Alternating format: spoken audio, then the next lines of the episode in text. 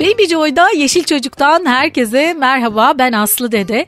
Biz Yeşil Çocuk programında Türkiye'de ve dünyada doğal, ekolojik, sürdürülebilir yaşam için, çocuklar için neler yapılıyor? Peki bizler neler yapabiliriz sorusunun sorularını konuklarımızla birlikte arıyoruz. Bu sorunun cevaplarını konuklarımızla birlikte arıyoruz. Bugün de yine çok değerli işler yapmış, e, çok özel, çok tatlı bir konuğum var. Konuğum eğitimci yazar, aynı zamanda anaokulu öğretmenliği yapmış, e, öğrenci koçu, e, bir 300 annesi ki bu çok önemli bir kısmı bence. e, aynı ve ayrıca da masallarla dans e, eğitmeni. O da ilginç bir konu. Bunların hepsini konuşacağız. İki tane kitabı var. Bir tanesi yolda. Hatta üç tane kitabı var galiba. Değil mi? Üçüncüsü geliyor. Üçüncüsü geliyor. Kim peki? Bahar Havzalı Şener. Hoş geldin Bahar. Hoş bulduk. Merhabalar. E şimdi bir sürü şey saydım. Evet. Bunları teker teker anlatalım istiyorum. Özellikle e, bu tabii tohum topu bizim ekolojiyi çok ilgilendiren bir konu. E, son dönemde de epey bir yaygınlaştı aslında. Duyuyoruz sık sık rastlıyoruz. Çok da hoşumuza gidiyor. Çocuklara tohum topu atölyeleri yaptırıyorlar. Çok güzel bir kitap var elimde tohum topu ile ilgili ama onun öncesinde küçük hayvanlar var. Ama onun öncesinde Bahar neler yaptı da oraya geldi biz onu merak ediyoruz. Evet aslında uzun bir yoldu. 19 yıldır anaokulu öğretmeniyim. Ee, okul öncesi eğitime çok önem veren bir eğitimciyim. Ee, burada çok çalıştık. Ee, öğrenciler mezun ettik. İyi hikayelerle, iyi çalışmalarla öğrencilerime ulaştım. İşe yaradığını fark ettim hikayelerimin. Akabinde dediğin gibi 300 doğurdum. Ee, bir 300 annesiyim. Ee, dolayısıyla hem sınıftaki çocuklarımda hem evdeki çocuklarımda işe yarayan hikayelerin daha çok çocuğa ulaşması için Yeni İnsan Yayın Evi ile karşılaştık ve bu hikayeler artık kitaplaştı. Yeni İnsan Yayın Evi de biz biliyoruz tabii. Ekolojiyle ilgilenenler e, mutlaka bir şekilde Yeni İnsan Yayın Evi'ni biliyorlar. Evet. Çünkü çok güzel kitapları var bu alanda.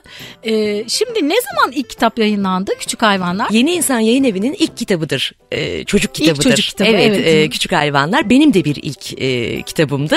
Aynı zamanda çizerimiz Burcu Baraner'in de ilk çocuk kitabı çizimiydi. Yani bir ilklerin buluşması yaşandı aslında Küçük Aa, Hayvanlar'da. E, akabinde Tohum Topu geldi. Üçüncü kitabın müjdesini de buradan verelim. Çok yakın bir zamanda akran zorbalığı ile ilgili üçüncü kitabımız geliyor. Yine Yeni İnsan Yayın Evi'nden çıkacak olan. Tabii kitaplar beni çok heyecanlandırıyor. Çünkü bir anaokulu öğretmeni olunca kitabı yazıp bırakamıyorsunuz. Aynı zamanda atölyesini planladım. E, onlar için şarkılar yazdım, besteledim. E, onlar da çok kıymetli oldu çocuklar için. Çünkü kitabı okuyup, atölyesini yapıp, arkasından şarkısını söyleyip dans edince e, bir zaman sonra çocuklarda şunu yaşadım. Bu da çok keyifliydi bir dönüş olarak. Ailelerden ve çocuklardan ben artık küçük hayvan koruyucusuyum deyip 4 ay sonra bile karşıma çıkmış bir çocuk bana sen beni küçük hayvan koruyucusu yapmıştın diyebiliyorsa evet ben e, bu kitaplarla çocuklara ulaşıyorum anlamına Evet. geliyor. Bu şey kısmı oldukça önemli ama dans ve müzik kısmı. Evet Yani şarkını... çocuklara kitabı sevdirmek açısından da çok e, Evet. önemli değil mi? İşte öğretmen olunca müzik zekasını da işin içine katmak istiyorsunuz. Ee, dolayısıyla küçük hayvanlarda söz müzik bana ait. Ee, Arda Gülyan'ın aranjmanlığını ve vokalini yaptığı Küçük Hayvanlar şarkısını YouTube'a da yükledim. Kitabın arkasında da ulaşabiliyorlar. Yine Tohum Topu'nda da söz müzik bana ait olan bir Tohum Topu şarkısı var. Aslında kitapla bütünleşmiş. Kitabı okuduktan sonra, etkinliklerini yaptıktan sonra hadi gidip bir de bunu şarkıyla söyleyelim, dans ederek söyleyelim diye ortaya çıkan şarkılar ve çok işe yarıyor. Ya öğrendiğinde pekiştirmiş oluyor değil mi böylece? Evet ve kitabı hem okuyorlar hem şarkısını dinlemeye devam ediyorlar. Hem de dans ediyorlar. Hem de dans ediyorlar evet. E dans dediğimiz şey aslında çocuklarda harekettir sevgili Aslı ve okul öncesinde özellikle hareket çok önemlidir. E, doğru hareketler, kontrollü hareketler e, çocukların sağlıklı gelişimleri için de önemlidir ve pekiştirir konuları. Peki şimdi küçük hayvanlardan başlayarak biraz konularına değinelim mi kitapların? Evet küçük hayvanlarda ben e, çocukların büyük hayvanları sevdiğini biliyorum. Hani kediler köpekler çok seviliyor ama daha küçük olan hayvanlardan korku biliyorlar ya da e, onlara zarar vermeye eğilimli olabiliyorlar yaş itibariyle. Bu çok normal bir süreç. Yani ne kadar küçük? E, mesela karıncalar, arılar, e, kelebekler e, veya daha küçük böcekler. Evet E, çünkü- böcekler hep Tabii, korktukları şey. korktukları ve hatta bazen dediğim gibi zarar verecekleri boyuttaki e, hayvanlar. Benim kızım da mesela demişti ben onlardan korkuyorum anne. Nedenini sorduğum zaman bana çünkü benden çok daha hızlı hareket ediyor demişti. Ha. E, ve çok mantıklı bir cevap. Fakat hızlı hareket etseler de küçük olsalar da biz onları koruyabiliriz. Yani aslında akran zorbalığının burada bir başlangıcını yapıyorum. Büyük ve güçlü olman onları koruyabilmen anlamına gelir diyorum. Kitabı öyle bitiriyorum. Dolayısıyla çocuklara hayvanlara sakın zarar vermeyin demek çok işe yaramıyor. Ama onlara niçin zarar vermemeleri gerektiğini anlatmak, onların da bir kalbi olduğunu, onların da bir e, bu yaşamda bizlerle birlikte yaşayabilecek hakları olduğunu öğretmek, aynı havayı soluyoruz demek, aynı dünyada yaşıyoruz demek çocuklarda çok işe yarıyor. Evet. Mesela bu küçük hayvanlarda e, atı, şeyi nasıl oluyor bunun müziği, atölyesi ya da dansı falan? İlk kitapta çocuklarla buluştuğum zaman zaten kitabı onlara okuyorum. E, kitabın içindeki sorularla soru cevap şeklinde ilerliyoruz. E, sonra bir drama yapıyoruz. Daha sonra düşün bul çiz etkinliği yaptırıyorum. Yine e, bu sefer boya kalemlerini de işin içine katıyorum masa etkinliğini. Sonrasında şarkımızı birlikte dans ediyoruz ve onlara küçük birer kart veriyorum. Küçük hayvan koruyucusu olduklarına dair bir kart. Yaşı, güzel. adı ve soyadı yazıyor ve hangi yaşta küçük hayvan koruyucusu olmuş o bir hatıra kalıyor aslında. Hatta benim öğrencilerim ben biliyorum e, annelerinden cüzdanlar istemişler. Sırf o kartı koyabilmek Aa, için ve insanlara dur güzel. demek için. E, dolayısıyla dediğim gibi hem atölyesiyle hem hikayesiyle hem şarkısıyla çok işe yarayan bir hikaye oldu küçük O hayvanlar. çok güzel çünkü genelde hani böyle kitap okuması yaptırılıyor çocuklara ama e, yani yazar iyi bir yazar olabilir ama hani iyi kitap yazabilmek onu iyi okuyabilmek anlamına gelmiyor ne yazık ki. Evet, evet. o yüzden de hani kitap imzası olabilir ama kitap okuması olduğunda aslında mutlaka oraya biraz drama bir aksiyon bir şey Evet. katmak gerekiyor yoksa çocuklar sıkılıyorlar. Ve çok da güzel pekişmiş oluyor aslında konu. Evet. Ama bu hikayeyi benim atölyemsiz de okudukları zaman e, gerçekten küçük hayvan koruyucusu olabilecekleri bir hikayesi var içinde. Evet, resimler de bu arada şu anda elimde Evet. e, görüyorum. Harika e, resimler de çok eğlenceli. E, bu kitaplara nereden ulaşabiliyorlar? İnternet üzerinden ulaşabiliyorlar ve kitap evlerinden alabiliyorlar. Ya da okullarına davet ederlerse ben zaten kitaplarımla birlikte, atölyemle birlikte okulları ziyaret ediyorum. Ay, çok güzel. Peki şimdi tohum topu. Evet. Asıl ben onu merak ediyorum. Küçük Hemen hayvanları da arkasında. merak ediyorum ama tohum topunu daha çok merak ediyorum. Hemen arkasından tohum topu geldi aslında. Ee, yine söz bestesi bana ait olan bir şarkısıyla birlikte geldi. Yine Arda Gülyan e, aranjmanlığında. Hatta bunun arkasında kare kod var. Oradan da Evet. e, kitapların arkasındaki kare Evet kodlardan ikisinde de var aslında. İlk baskıda değil ama sonraki baskılarda var şu an ulaşabilecekleri kitaplarda. Tohum topunda da yine atölye yapıyoruz. Toprağımı, suyumu, tohumlarımı yanıma alıp gidiyorum çocukların yanına ama o ilk etapta göstermek için sonrasında çekirdeklerini biriktiren bireyler oluyorlar. Yani bu kitaptan sonra çocuklar artık çekirdeklerini çöpe atmamaya başlıyorlar. her yer çekirdek oluyor. E, her yer çekirdek oluyor. Anneler de bana öyle dönüş yapıyor. Bu sefer Bahar Hanım her yer çekirdek oldu ne yapacağız diye. Hemen tohum topu yaptırıp onları doğayla buluşturuyorlar. Bir ekolojik dengeyi aslında sağlıyoruz burada. Nereden aklınıza geldi tohum topu yapmak? Bizim e, çalıştığım özel okulda isim verebiliyor Tabii, tabii, muyum? Marmara Eğitim Kurumları'nda ben yıllarca eğitim e, hayatıma devam ettim. Orada öğretmenlik yaptım. E, doğayla iç içe olan bir okuldu. Hani hangi okulda olursam olayım bunu yapacaktık zaten ama ekolojik dengenin çocuklar tarafından e, bilinmesi gerekiyor sevgili Aslı. Bunu iyi kitaplarla, iyi hikayelerle, iyi atölyelerle vermemiz gerekiyor. Çünkü evet belki yetişkinler, belki çocuklar herkes hemen hemen çok basit bir ekolojik dengeyi yok ediyoruz. Çekirdekleri alıp çöpe atıyoruz. Ama yine çocuklarda sakın atmayın demek işe yaramadığı için neden çekirdekler çöpe gitmemeli, neden doğayla buluşmalı, nasıl yapabiliriz bunu hikayesini tanıştıkları zaman evet ev çekirdek doluyor ama doğada bir şekilde yeniden yemiş olma şansına sahip oluyor En çekirdekler. azından o gıdanın da nasıl üre- üretilmiş olduğu, nereden gelmiş olduğunu keşfetmeleri açısından da çok önemli. Evet. O biraz tabii şey mesela biz e, ileri dönüşüm e, konusunda sohbet ettiğimiz zaman o zaman da evde bir sürü çöp doluyor. Çünkü o- Geri dönüşüm doğru. öyle biraz bir riski var yani böyle Ama şeylerin. anaokul öğretmenliğinin biliyorsunuz e, doğasında vardır hiçbir şeyi atmamak. Bu Evet. benim işime yarar saklayayım. Sonra bir bakıyorsunuz çocuklarınız da bunu yapmaya başlıyor ve dönüştürmeye başlıyoruz. Yani tüketmek yerine dönüştürmek zaten e, çocuklarda yerleştirmemiz gereken bir kavram. Ama tohum topunda da diyorum ki çekirdekler olması gerektiği yere gidiyor. E, nasıl bir öykü? Öyküden biraz bahsedelim mi? Çekirdeğin e, küçücük minicik bir çekirdekle başlıyor. Hatta ilk tane- sayfadaki resmi tabii şu anda Bir tane görünmüyor ama çocuğu görüyorum ben burada. e, o ilk resme inanılmaz güzel yorumlar geliyor. Tıraş köpüğü diyenler var. Tuz yiyor diyenler. Öyle? Halbuki o bir e, bitmiş bir elma ilk sayfadaki. E, merak uyandırarak başlıyoruz yani kitapta. Ha evet kızın suratında Evet. kocaman bir o çizimi beyazlık çok var. Bu sevmiştim. elma yani. Evet. Bitmiş bir elmanın çekirdekleri işte yedikleri her türlü yiyeceğin çekirdeklerinin eee, nasıl dönüştürülebileceğiyle ilgili bir hikaye. Burada da çocuklara en sonunda diyorum ki minicik bir çekirdeğin en iyi dostusun. Çünkü doğa için iyi bir şey yaptın diyorum. Eee, ve sonrasında onu da şarkısıyla devam ediyoruz atölye Evet çalışmasına. şarkıların olması özellikle çok ilginç. Evet. Şimdi bu şarkıları zaten arada da çalacağız. Çok Oradan güzel, da dinleyebilirler. Aynı zamanda YouTube'dan da ulaşabiliyorlar YouTube'dan da ulaşabiliyorlar. Yani- Çünkü çocuklara hediye ettim ben bu şarkıyı. Sizin adınızı soyadınızı Bahar Havzalı Şener Evet. yazıldığı zaman YouTube'dan da bu şarkılar Evet. çıkabiliyor, dinleyebiliyoruz. Kitabın ismiyle aynı şarkılar zaten. Tohum Biri tohum Topu. topu, diğeri küçük hayvanlar. Bunu resimleyen kişi farklı herhalde. Bunu Farklı, özellikle- yabancı, Romalı bir e, çizerimiz. Öyle mi? E, o da çok etkilemişti beni. Ben İstanbul'da bu kitabı yazıyorum ama e, Roma'da çizimleri yapılıyor. Bu çok hoşuma gitmişti. Özellikle bir seçim yaptınız yoksa Tabii biz oldu? e, yayın evleri daha doğrusu şöyle yapıyorlar yabancı çizerlerde bir havuz oluşturuyorlar. Oradaki en güzel çizimlerden seçiliyor e, ve o çizerle Ona devam ediyoruz. Karar veriliyor. Evet. Şimdi peki ondan sonra bir de akran zorbalığı dediğiniz Evet. konu ben e, yayından önce biraz sohbet ettik dedim bayağı güzel bir konuya girmişsiniz. Ya bir daha bu arada kaç yaş grubu bunlar? Ee, küçük hayvanlar ve tohum topu okul öncesi ve birinci sınıf ve ikinci sınıfa uygun. Ee, akran zorbalığında biraz daha yukarı, Yukarı yaşlara çıkacağım. tabii. Evet. Tabii çocuklar da büyüdükçe konular Evet, da büyüyor. konular da büyüyor.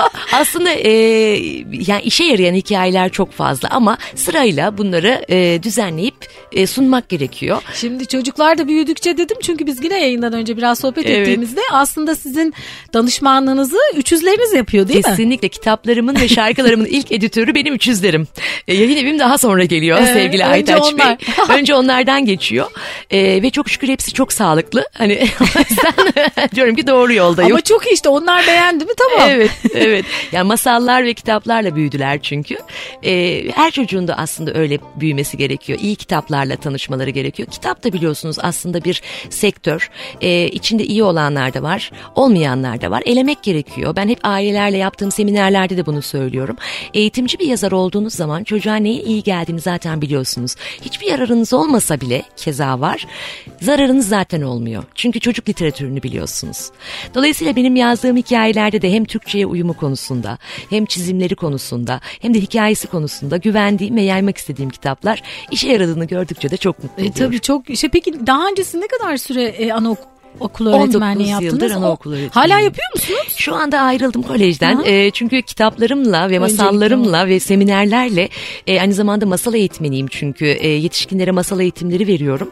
Dolayısıyla hepsine birden yetişmem zor olduğundan dolayı bir yeri hafifletmem gerekiyordu. Kolejden ayrıldım ama bir okuldan ayrılıp bir sürü okula ulaştım. E tabii yani.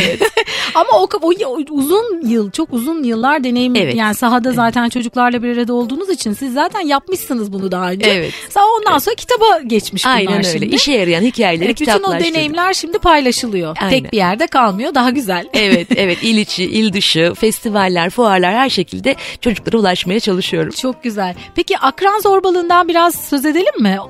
Evet, akran zorbalığı e, yine eğitimci olarak e, sınıfımızda karşılaştığımız durumlardı.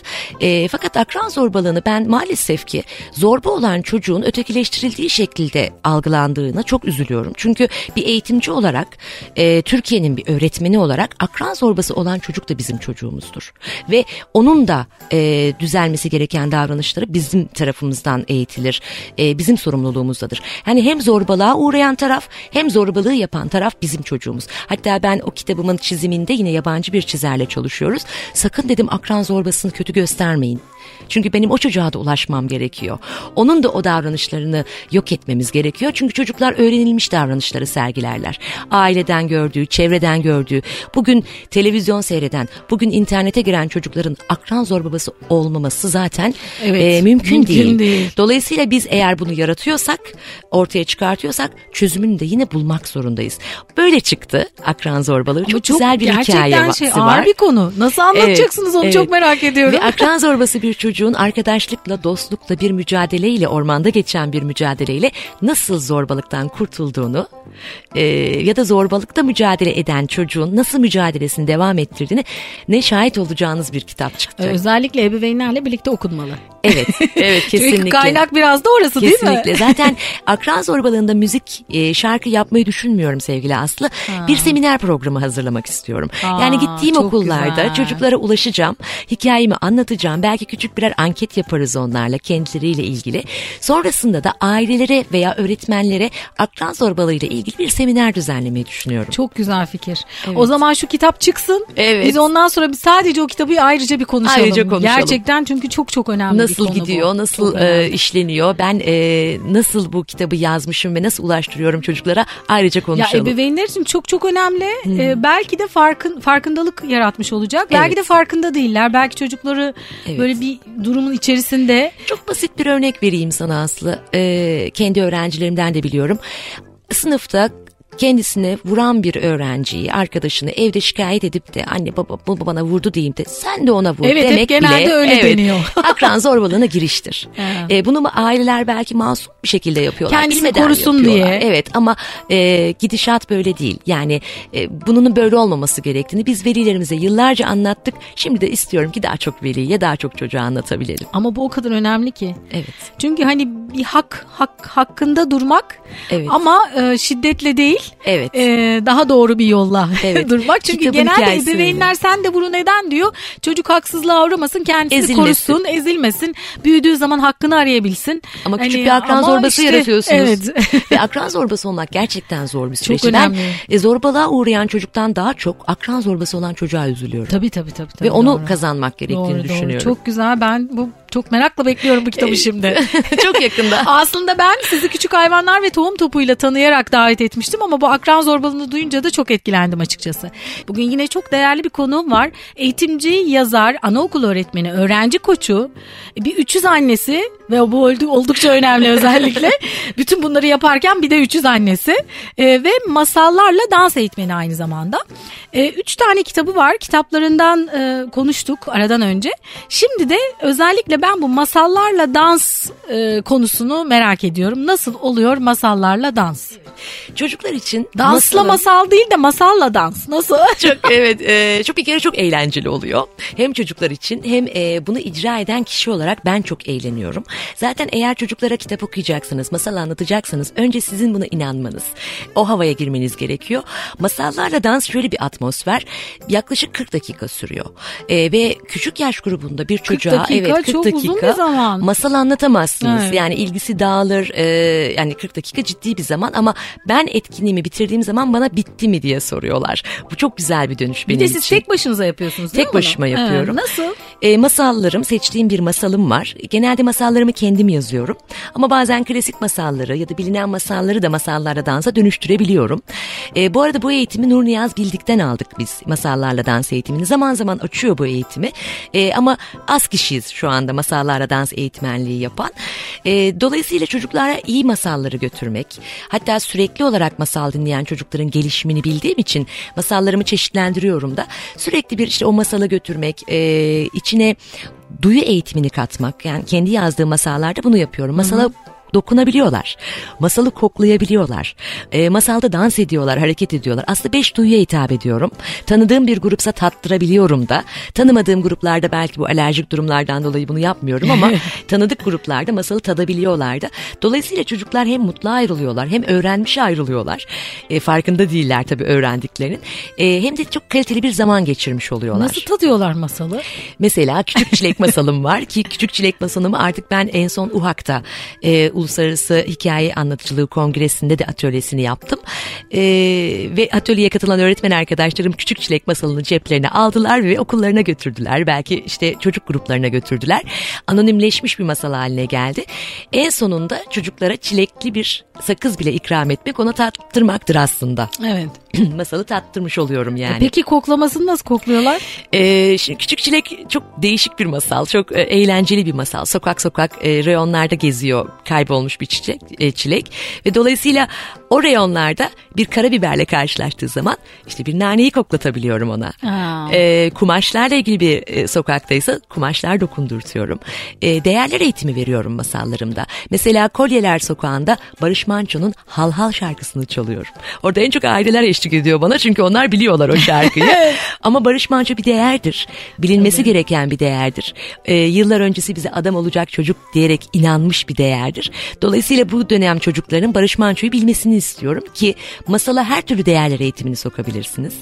E, dolayısıyla benim yazdığım masallarda da e, çocukların hem duyu gelişimleri için hem zihinsel gelişimleri hem de bedensel gelişimleri için masallarla dans çok kıymetli bir çalışma. Peki bu masallarla dans çalışması yine hangi yaş grubu ve ne kadar e, sayıda bir çocuk odaklanabilir bu konuya. evet e, uygun bir ses sistemi olduğu zaman e, duyu çalışmasının dışındaki masallardan bahsediyorum. Duyu çalışması da 20 kişilik gruplara yapıyorum ama e, sadece masalı anlatıp dans edeceğiz, müzik dinleyeceğiz ve masalı dinleyeceğiz diyorsak 200 kişinin karşısına da çıktım. Hmm. Yani karşımda 200 tane çocuğa da bu masallarla dans etkinliğini yaptım. Ee, daha az sayıda çocuklara da yapabiliyorum. Festivallerde gidip e, genelde en son İzmir'deydik evet, mesela. Evet evet gördüm. E, festivalle birlikte. Dolayısıyla çocuk sayısı kısıtlamam yok uygun ekipman olduktan Yaş? sonra. Yaş da yine 7'den e, 77'ye. 7'den 77'ye. Çünkü masallar biliyorsunuz. Ben valla yaparım yani. E, zaten sevgili Aslı öyle oluyor. Bir bakıyorum çocuk e, beni dinliyor çok dikkatli bir şekilde ama annesi ya da babası yanında dans ediyor. Evet. o anda sadece beni gözlemleyen o yetişkin çocuklar oluyor, o çocuk oluyor, o değişiyor. çok eğleniyoruz yani ailelerle de birlikte, e, çocuklarla da birlikte. Çok eğlenceli bir aktivite aslında. Tabii ki masalların e, yaşı yoktur dediğin gibi. Her yaş grubuna anlatacağım masalım var. Peki bu dans nereden geldi? Şimdi anaokulu eğitmenliği var. Tamam evet. oradan yazarlık çıktı. Sonra evet. bu dans nereden çıktı? bu eğitimde bize zaten bu verilmişti eğitimin içerisinde ama anaokul öğretmeni olunca zaten her meslekten biraz alıyorsunuz biliyorsunuz. Doğru tabii. Yani e, dans etmediğim, şarkı söylemediğim bir gün yoktu benim sınıfta. Doğru. Ve o figürler, o hareketler hem çocuklardan hem evdeki çocuklarımdan çıkan figürler. E, burada şöyle dans edelim anne, burada şu hareketi yap e, öğretmenim gibi e, bana çok yardımcı oldu. Koreograflarınız yani çocuklar. Tabii yine onlardan çıkıyor. Buradaki masallarla danstaki e, dikkat etmemiz gereken nokta şu hangi yaş grubuna e, hitap ediyorsanız onun yapabileceği hareketleri seçmek. Çünkü küçük çocuklara büyük, büyük çocuklara küçük hareketler verirseniz sıkılırlar. Büyük çocuklarla biraz daha sarmaşıklar olabiliyoruz. Merdivenler olabiliyoruz. Birlikte hareket edebiliyoruz. Küçük çocuklarla biraz daha bireysel hareketler tercih ediyoruz. Hı hı. Peki obje kullanıyor musunuz bunları yaparken yoksa? Şöyle genelde anlatım e, müzik ve dansımız oluyor. Obje olarak e, evet mesela bir başlangıç çubuğum vardır benim. Onun dikkatlerini çekerim çocukların ama sonrasında e, masal anlatırken kullanmam. E, veya işte bir şey koklatacaksam küçük iksir şişelerim vardır onlara koyarım. E, dokunsal olarak yine objelerim var ama bazen de bunları hiç kullanmadığım sadece anlatım yaptığım ve dans ettiğimiz masallarımız da var. var. Şimdi ben şunu merak ediyorum. Bu kitaplar çocuklara ulaşıyor, yetişkinlere, ebeveynlere ulaşıyor, öğretmenlere ulaşıyor. E, nasıl dönüşler? Ne kadar olmuştu ilk kitabı yazalı? Ee, ilk kitabı yazalı iki yıl oldu. İki yıl oldu. Ya iki yıldır evet. sahada kitaplarla beraber, öğretmenlerle, velilerle, çocuklarla berabersin. Nasıl dönüşler oluyor merak ediyorum. Ee, şimdi e, ben kitaplarımı yazdıktan sonra editörüme okurdum. O da bana derdi ki sen okuma. Çünkü senden başka herkes okuyacak bu kitabı ve hikayenin çok etkileyici olması lazım. Gerçekten benim dışımda okuyan öğretmenlerden de, velilerden de, ailelerden de çok güzel dönüşler alıyorum. E, atölyesiyle karşılaşmamış bile olsalar çocuklar şarkısını dinleyerek yine kitabın içindeki hem resimlerle hem de hikayeyle iç içe geçiyorlar ve ben çok fazla e, dönüş alıyorum. Bahar Hanım çok güzel bir kitap. E, içindeki soruları çok sevdik, şarkısını çok sevdik. Hatta klip yapıyorlar.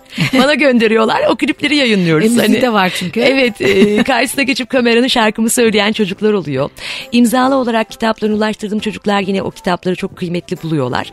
E, dolayısıyla veya okullarına davet etmek için il içi il dışı ellerinden gelen hani bu çocuk benim çocuğum tanıştı bütün arkadaşları tanışsın bu kitapla ve sizinle diye e, yardımcı olan e, veliler oluyor. Ya da masal eğitmenliğinde mesela masallarla dans e, çok keyifli ve ben aynı zamanda Yıldız Teknik Üniversitesi'nde masal eğitmeniyim. Öğretmen arkadaşlarıma, okullara masal eğitimi veriyorum. Bir gün sürüyor, bir tam gün sürüyor. 8 saatlik bir eğitim. Yine il dışında da gidiyorum. Ve eğitimden sonra bana öğretmen arkadaşlarım şöyle diyorlar. Biz masal anlatmıyormuşuz. Aslında bütün öğretmenlerin, eğitmenlerin bilmesi lazım değil Ama mi o bunu? kadar e, aslında Ay masalın hepimizin içinde masal lazım var ki. bence. Her Yani, meslekten evet. insanın bilmesi lazım. Şimdi masal çok etkileyici bir alan. Yani masal yoluyla çocukları inanılmaz etkileyebilirsiniz. Ama madem bu böyle iyi de etkileyebilirsiniz kötü de etkileyebilirsiniz. Dolayısıyla biz masalın kötü etkilerini ortadan kaldırıp sadece iyi olanlarını süzgeçten geçirmemiz gerekiyor ve bu da bir eğitimle gerçekleşiyor. Ay şimdi ben şöyle düşündüm seni dinlerken Bahar. Bence her meslekten insanın hepimizin çünkü kendimizi ifade edebilmemiz için bir Evet. şey anlatırken iyi öyküleyebilmemiz lazım. İş yaşamındaki başarı için de bu gerekli. Evet. Yani sadece e, çocuklar için değil ki. Çok Sonuçta bir doğru. sunum hazırlayacaksınızdır. Onu bir masal gibi anlattığınızda tabii uyutmadan. Evet. Uyutan masallar değil bunlar. Evet, bunlar uyandıran de- masallar. bak şimdi o da e, fark ettim şimdi. Masal deyince hep sanki uyumaya yönelikmiş gibi algılanıyor değil mi? Zaten masalın kullanım alanlarından biri. Hani uyku da bir kullanım alanıdır. Tam uykuya yatan çocuğa çok hareketli bir masal anlatamazsınız.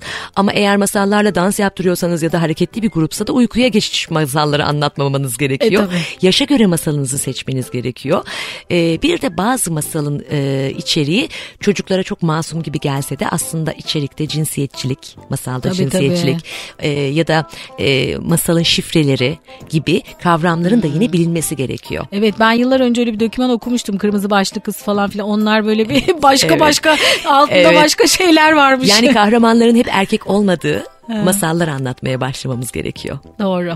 Doğru hakikaten. Peki bir şey söyleyeceğim. Bu masal eğitmenliğine herkes başvurabilir mi? Evet zaman zaman açıyorum hem İstanbul içinde hem Yani İstanbul dışında. Eğitmen olmamız gerekiyor mu ya da belli bir eğitim Masala gönül veren, e, çocuklara ulaşan, e, yani çocuklarla çalışan ya da dediğiniz gibi iş hayatında daha aktif, Evet, etkili işte ben öyle anlatım yapmak istiyorum lazım. diyen herkes masal eğitimine katılabilir. Çünkü biz genel olarak nedense bizim milletimiz e, çok konuşur ama hani ama öykülemeyi pek bilmeyiz. Yani bir mesela bir, bir panelde bile soru sormaya kalkarız. Böyle uzun uzun konuşuruz ama aslında soru sorduk mu sormadık mı ne anlattık pek belli Çok olmaz doğru. yani. Bir de bu arada Hedefe masal yönelik anlatma isteyenler, açısından değil mi? Masal eğitimi önemli. çok önemli. Bir de şöyle bir şey var. e, 19 yıldır sahada olan bir öğretmenim ve e, çok sayıda öğrenci geçti. Vakkam çok fazla var.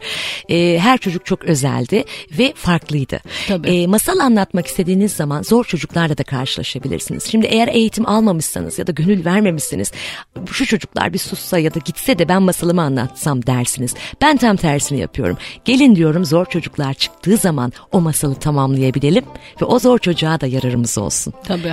Yani onlarla baş etmeyi de öğretiyorum öğretmen olduğum için masal eğitiminde Ee, ve bu çok işe yarıyor çünkü hiçbir çocuğun masalı bende yarım kalmaz. O çok güzel. Peki şimdi masalı anlatacağın zaman ben o masal kafada kurulu mu gidiyorsun? Çünkü Ama- yaş grubum belli. Tabii belli Evet mi? sayı Ama belli. herhalde çocukların o andaki dinamiğine göre belki o anda doğaçlama ya biraz Tabii. uzayabiliyor, biraz kısalabiliyor değil mi? Ee, Çocuk dinamiği çok önemlidir. Yani çocukların gözlerinden anlarsınız. Masalı tamamlarsınız bir şekilde. Ee, ve dediğim gibi genelde benim masalımdan sonra bitti mi diye sormaları çok hoşuma gidiyor. O 40 dakikadan sonra. Ee, aileler de tabii ki çok şaşırıyorlar. Ben 10 dakika masal anlatamıyorum evde. Hani sizi 40 dakikadır dinliyor diyorlar ama içine hareket soktuğumuz için, içinde e, müzik olduğu için tabii e, daha etkileyici oluyor. E, bir de dediğim gibi hikayeyi çocuklara göre ya da konsepte göre hazırlıyorsunuz. Mesela doğa masalım, sevgi masalım. Bunlar bir de her çocuğa hitap eden masallar E, ve eğlenceli. Dolayısıyla da çocuklarla çok keyifli vakit geçiriyoruz. Çok güzel, harika. Peki e, çocukların e, dönüşleri konusunda e, bitti mi diyorlar ama onun dışında katılım konusu nasıl oluyor? Mesela masala katılıyorlar mı? Masala katılıyorlar. Dediğim gibi bazen anneler babalar daha fazla katılıyor. nasıl katılıyor? Neler, neler, Dans neler ediyorlar. mesela? Masal bitiyor mesela diyorlar ki e, bize göre de bir şarkı var mı çalsanız da oynasak. diyorum tamam sizin için de bir gün bir, bir şeyler yapacağım diyorum. Ama ben daha çok çocuklara masal anlatmayı seviyorum. Yani yetişkinlere anlatmak konusunda henüz kendimi e, hazır hissetmiyorum. Yani daha doğrusu istekli hissetmiyorum. Benim işim çocuk. Evet. Ama ama hepimizin içinde de çocuk var zaten. Bu anlamda da e, bana ulaşan bir firma vardı. E, masallarımı, kitaplarımı daha çok çocuğa ulaştırma hevesinde olan bir bahar öğretmen olarak e, Eczacıbaşı'nın getirdiği teklif çok hoşuma gitmişti. E, ıslak mendillerin üzerinde benim kısa masallarım var. Aa, çok güzel. Ben onları gördüm. Onlar senin masalların Evet mıydı? onlar benim masallarım. Aa, bak, Ve e, uzun bir masal yazmaktan çok daha zordur Tabii, biliyorsunuz kısa bir tabii, masal tabii. yazmak. E, üç tane ıslak mendilin üzerinde üç tane de kitapta var. E, yani kutuyu aldığınız zaman içinden bir masal kitabı çıkıyor. Benim masal kitabım. E, ıslak mendillerin üzerinde de yine benim yazdığım Evet küçük kısa masallar var. bilmiyordum ama. Evet bebekler okusun. Peki bundan sonra e, var mı? Yani şimdi akran zorbalığı tamam o geliyor zaten hazır olmuş çıkmak Evet. üzere. E, peki başka düşünceler var mı? Bir e, hikayem daha var yayınlanmasını çok istediğim çünkü o da çok işe yarıyordu. E, onu da ilk kez buradan söylemiş olayım. E, doyumsuz çocuklarla ilgili. Ama bu çok önemli. Evet çünkü Ay, çağımızın vallahi aslında hastalığı önemli. gibi bir şey. Evet. E, doyuramıyoruz. Yani ruhlarını doyuramıyoruz. Aktivitelerini. Evet. tabii. Yani e, her şeylerini dört dörtlük yapmaya çalışıyoruz fakat çocuklarımız mutsuz. E, hadi gelin diyorum bu kitapta mutsuzluğu bir kenara bırakalım. E, keşkelerle değil iyikilerle yaşayalım diyorum. O hikayeyi de en kısa zamanda e, işe yarar bir şekilde çocuklara ulaştırmayı çok istiyorum. E, bu konuyla ilgili bir ön çalışma e, yaptınız mı? Aslında yaptık, Ha. yapıldı. Ee, ama bir sıralamaya soktuğumuz zaman işte küçük hayvanlar, tohum topu, akran zorbalığı. Şimdi mesela bu dördüncü şimdi kitapta herhalde olur. çocuklar deyince e, çocuklar arada bir sıkılmalı değil mi? Tabii. Yani hani sıkılmalı. benim bu çok etrafımda konuşulan bir şey de çünkü çok çabuk sıkılıyorlar ve anne baba sürekli o çocuklar sıkılmasın diye bir şey yapması gerekiyor. Yani benim ben küçükken annem bana derdi ki sıkıcan iyidir çabuk çıkmaz derdi ben sıkıldım dediğim zaman. Ve biz doyumsuz olmadık değil mi? Hani bir Evet, yerde. yani. e, zaten hani Sıkılsınlar biraz değil mi? ülkenin ülkenin 90'lar çocuğu olmak zaten bir şans. Yani ona denk gelmek. 2000'ler çocuklara maalesef bizim kadar şanslı değillerdi. E, doyumsuz bir nesil geliyor. Ben hatırlıyorum sevgili Aslı bana anneannem işte e, veya büyük annem işte babam bir sakız verirdi, bir şeker verirdi. Biz mutlu olurduk. Şimdi verdiğim zaman ikincisi var mı diyorlar. Yani bırakın elindekiyle mutlu sonrakini olmayı bir düşünüyor. sonrakini düşünüyor. Ya da biz bir parka giderdik dönerdik mutlu dönerdik. Parka gidiyoruz dönüyoruz şimdi nereye gideceğiz diyorlar. Yani aslında farkında değiller bulundukları alandaki anın mutluluğunu. Dolayısıyla ben andaki mutluluğu işlediğim bir hikayem var. Eğer çok onu güzel. işleyebilirsem e, bir çocuğu bile doyumsuzluktan, bir çocuğu bile akran zorbalığından, bir çocuğu bile çekirdekleri biriktirirken, bir çocuğu bile hayvanlara zarar vermediğini görünce bana yeter. Aslında e, tabii onu anlatırken ben yine altını çiziyorum. Aslında ebeveyni anlatıyorsun onu. Evet. Çünkü yani ebeveynin de farkına varması gerekiyor Evet, maalesef. evet. Bu yüzden ben e, seminerler yapıyorum. Yani Evet. 19 yıldır velilerimle yaptığım veli toplantılarından aslında çıktan donelerden bahsediyorum. Oyunlarla evdeki mutluluk diye bir seminer yapıyorum. Ve e, her zaman şunu söylerim. Ne bir eğitimci olarak ya da ne olursanız olun hiçbir anne babayı suçlayamayız. Hepimiz yoğunuz, hepimiz yorgunuz. Yani ben 300 annesiyim. Evet. E, bir şeyleri başarabiliyorsam siz de yapabilirsiniz şevkini vermek istiyorum. Bunu böyle yapın, şöyle yapın, bunu niye böyle yapıyorsunuz diyen eğitimcilerden hiç olmadım. Tabii. Aileyi anladım. Çünkü onun da bir büyüme şartları vardı. Onun da bir koşulları vardı. Çok yoğun çalışan anne babalar. Ee, ama çok küçük Belki geleneksel oyunlar, unutulan oyunlar, belki çok küçük 5 dakikanızı ayırarak yaptığınız bir çalışma çocuğunuzla evdeki mutluluğu getirecek. E, bu seminere de çok önem veriyorum ve olabildiğince çok veliye yaymayı istiyorum. Çok güzel ne güzel şeyler yapıyorsun. Bu seminerden vallahi. çıkınca 20-25 tane de oyunlarını cebine koyuyorum velilerim ve şey diyorlar ben hemen eve gidiyorum Bahar Hanım çocuğumla oyun oynamaya. Çok güzel. Peki o oyunlar nelerle oynan? Yani özel bir şey bulması gerekiyor mu onu oynatmak için? E, seminer Yani şöyle çok keyifli geçiyor. E, evde ayağa kalkmak istemeyen babalardan tutun, televizyonu kapatmak istemeyen e, annelere kadar ya da telefonu bırakmak istemiyorsa da onu nasıl oyuna çeviririz oyunları var. Aa, çok güzel harika. Peki bunlara nasıl ulaşabilecekler bu eğitimlere? Aslında Instagram sayfamı takip Ha, ederek evet, e, iletişim bilgilerimi oradaki mesajlaşma yoluyla e, bana Bahar rahatlıkla Havzalı. Şener diye e, bulabiliriz. Bahar Havzalı diye geçiyor Bahar Instagram'da. Havzalı. Bahar Havzalı Şener'de o yazabilirler. Ee, oradan her türlü mesaj yoluyla, iletişim e, alanıyla ulaşabilirler. Okullarına, seminere gidebilirim, kitap imza günlerine gidebilirim, festivaller, çocuklarla buluşma noktaları. Ben şöyle yapıyorum. İnsanlara kendimi anlatıyorum ki bunu ben 19 yıldır velilerime de söylüyordum. Ben öğrenci koçuyum, 300 annesiyim, işte masallarda dans etmiş şunu yapıyorum. Bunu beni kullanın. işte aynı şeyi e, herkese söylüyorum. Benim e, yapabildiklerim bunlar. Evet. E, bunları bunları yapıyorum ve bunları başarıyorum. Çok güzel dönüşler alıyorum. Beni kullanın. Beni arayın. Hani bir şekilde ulaşın. Ne yapabiliriz onu konuşalım Evet, istiyorum. her bakımdan yılların deneyimi var, ee, yaşamışlık var. Bunlar çok değerli, çok kıymetli. Bu kitaplar da çok değerli. Devamını da bekliyoruz. Teşekkür ederim. Programın sonuna geldik. Aslında Evet. konuşacak çok şey var ama özellikle bu yeni kitap çıktığında bir kere daha konuk etmek istiyorum. Çünkü akran zorbalığı çok çok önemli bir konu. Hepimizin Mutlaka bilmesi. geleceğim. Yani sadece çocukların akran zorbalığı değil, biz yetişkinler de belki böyle şeyler yapıyoruz yani. Ee, benim- Hepimize ders olsun. Yaptığım işlere, yazdığım kitaplara, masallarıma ses olduğunuz için ben size çok teşekkür ediyorum. Efendim rica ederiz. Yeniden bekliyoruz. Mutlaka Size geleceğim. tekrar altını çizelim. Bahar Havzalı yazarak Instagram'dan ulaşabilirler. Kitaplarınıza da e, yine internet üzerinden ulaşmak mümkün. Tohum topu ve küçük Hayvanlar. küçük hayvanlar ve şimdi akran zorbalığı geliyor. Evet. Onlara da internetten veya kitapçılardan Evet. ulaşmaları mümkün. Evet bir Yeşil Çocuk programı yine sonuna geldik. Ee, ben Aslı Dede. Bize nasıl ulaşabilirsiniz? Yeşilçocuk.com yazarak ya da sosyal medyadan Yeşil Çocuk yazarak bize ulaşmanız mümkün. Bir sonraki Yeşil Çocuk programında yeniden buluşmak üzere. Yeşil kalın.